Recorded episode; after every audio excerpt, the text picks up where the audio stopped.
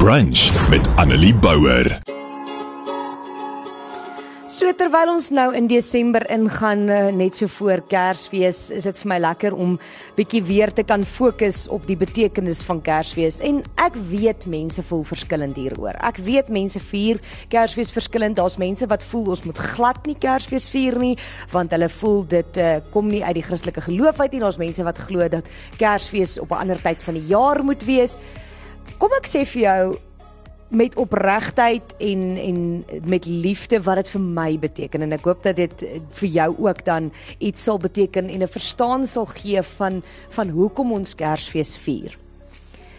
In vandag se lewe veral in die moderne tyd waar ons so gejaagd is en so rondhardloop, het ons as mense ongelukkig partykeer nodig om iets raak te sien om weer herinner te word waaroor die lewe eintlik gaan. Ons hardloop so van een punt na ander. En ja, miskien is Kersfees nie op die regte tyd van die jaar nie. En ja, miskien vier almal dit nie op die regte manier nie of volgens jou op die regte manier nie. Maar vir my beteken Kersfees 'n maand van konstant herinner word wat God vir ons as mense gedoen het. Dat God, die Almagtige, die Skepper, homself verneder het, gesê het daar is 'n breek tussen my en my skepping, tussen my en my volk, tussen my en my mense. Ek sal myself minder maak. Ek sal my seun stuur. Ek sal mens word. God het mens geword vir ons.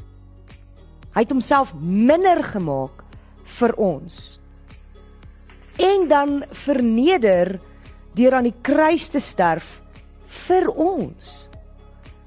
En dit is wat Kersfees moet wees. Kersfees vir is 'n simbool. En simboliek beteken vir mense verskillende dinge. So as jy kies om Kersfees te sien as 'n konstante herinnering aan wat God vir ons gedoen het, is dit 'n maand en partykeer 2 maande want 3 maande want die winkels sit nog vroeg Kersversierings op van as jy as jy kersliggies sien of kersversiering sien van aan God dink. Elke keer wat ek 'n kersliedjie hoor, selfs al is dit nie eers 'n Christelike een nie, elke keer wat ek liggies sien, herinner dit my weer, dis Kersfeestyd. En herinner dit my weer wat Kersfees vir my beteken.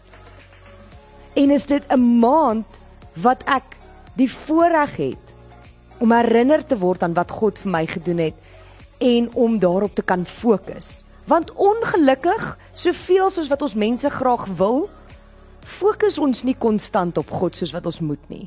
En dink ons nie konstant aan wat die Here vir ons gedoen het nie.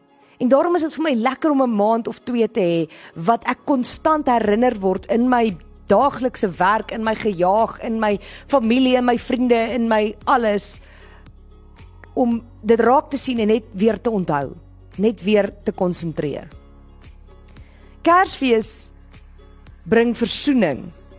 As 'n mens dink aan ou Kersdag 1914 in die Eerste Wêreldoorlog, waar twee oppositiepartye, die Britte en die Duitsers, beide Christelike groepe was wat teen mekaar beklei het, wat nie saamgestem het oor hoe dinge moet werk in hierdie wêreld nie, wat mekaar vermoor het, 'n wapenstilstand gehad het in 'n tyd van oorlog omdat dit Kersfees was, omdat hulle weer herinner is aan wat Kersfees is, omdat hulle weer herinner is aan God se vrede en net 'n oomblik van daai vrede wou hê.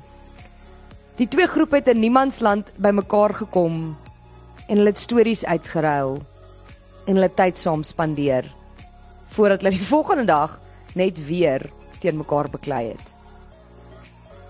So kom ons kyk bietjie na Jesaja 9 vanaf vers 5 wat sê Jesaja voorspel hier hy hy profet, hy profeteer hier wat gaan kom. Hy hy profeteer en hy vertel van van Jesus se koms. En va, in vers 5 sê hy vir ons is 'n seun gebore aan ons is 'n seun gegee.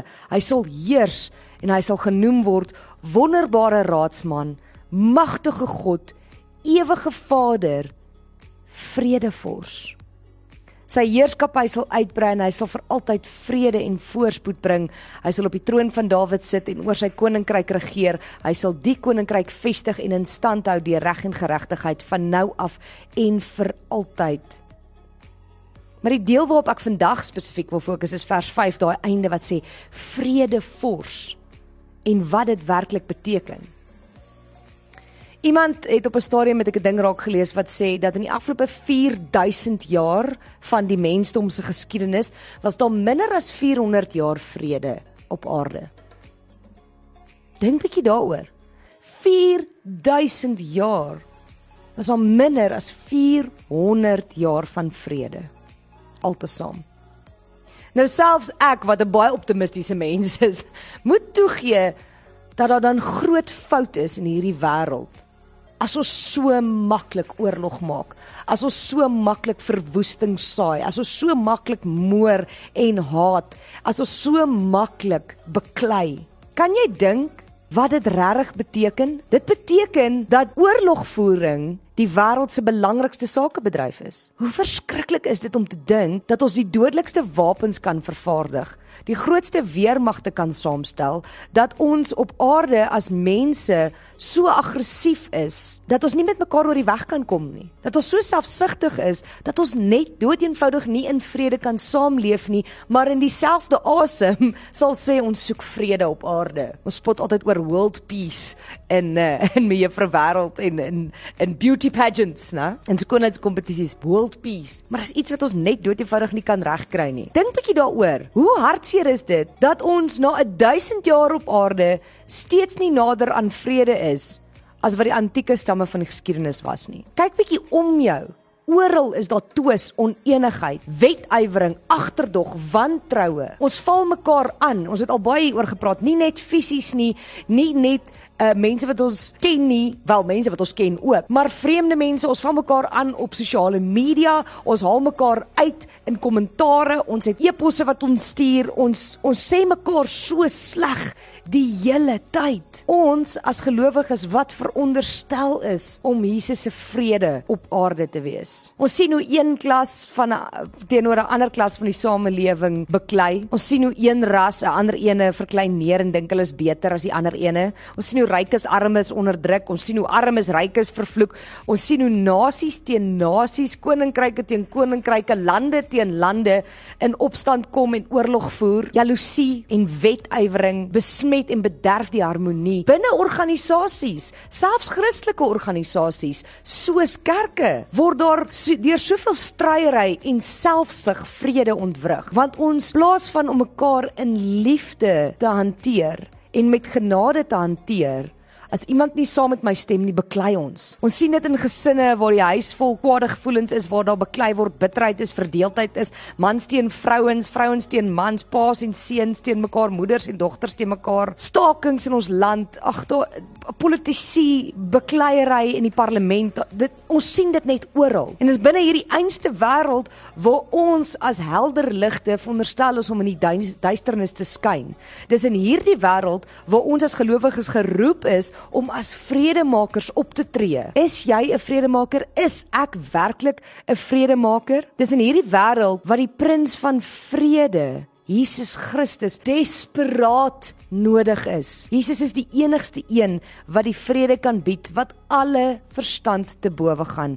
Hy verskaf die vrede van God en vrede met God. Jesaja het dit al hierdie duisende jare gelede geprofeteer dat 'n verlosser na hierdie gebroke wêreld sou kom en hy sou 'n wonderbare raadsman, 'n magtige God, die ewige Vader en die vredevors wees. Dit is die boodskap en die betekenis van Kersfees. So plaas van om mekaar te oordeel oor hoe ons Kersfees vier en of ons Kersfees vier, oor hoe ons glo en wat ons verhouding met God is, oor hoe ons ons werke doen of dit wat jy in die politiek nie met mekaar saamstem nie. Kom ons kom net weer by mekaar. Al is dit dan net soos in 1914 oor Kersfees. Kom ons wees daai vrede op aarde. Kom ons wees daai lig in die donker. Kom ons hanteer mekaar met liefde en genade en vrede. Dink voor ons praat of voor ons skryf en ons probeer hierdie Kersfees onthou wat God vir ons gedoen het op watter manier ook al jy Kersfees vier. Sonder om ander te oordeel oor hoe hulle dit doen, sonder om mekaar te stry oor hoe dit moet gebeur. Dis 'n maand van herinner word aan wat Jesus Christus en God vir ons as mense gedoen het. Om herinner te word dat ons die voorreg en die genade gekry het om in 'n verhouding met God te mag wees, dat Jesus daai vredevors is tussen ons en God en dat ons daai vrede op aarde moet leef. Annelie Bouwer, weekoggend tussen 9 en 12 op Groot FM 90.5.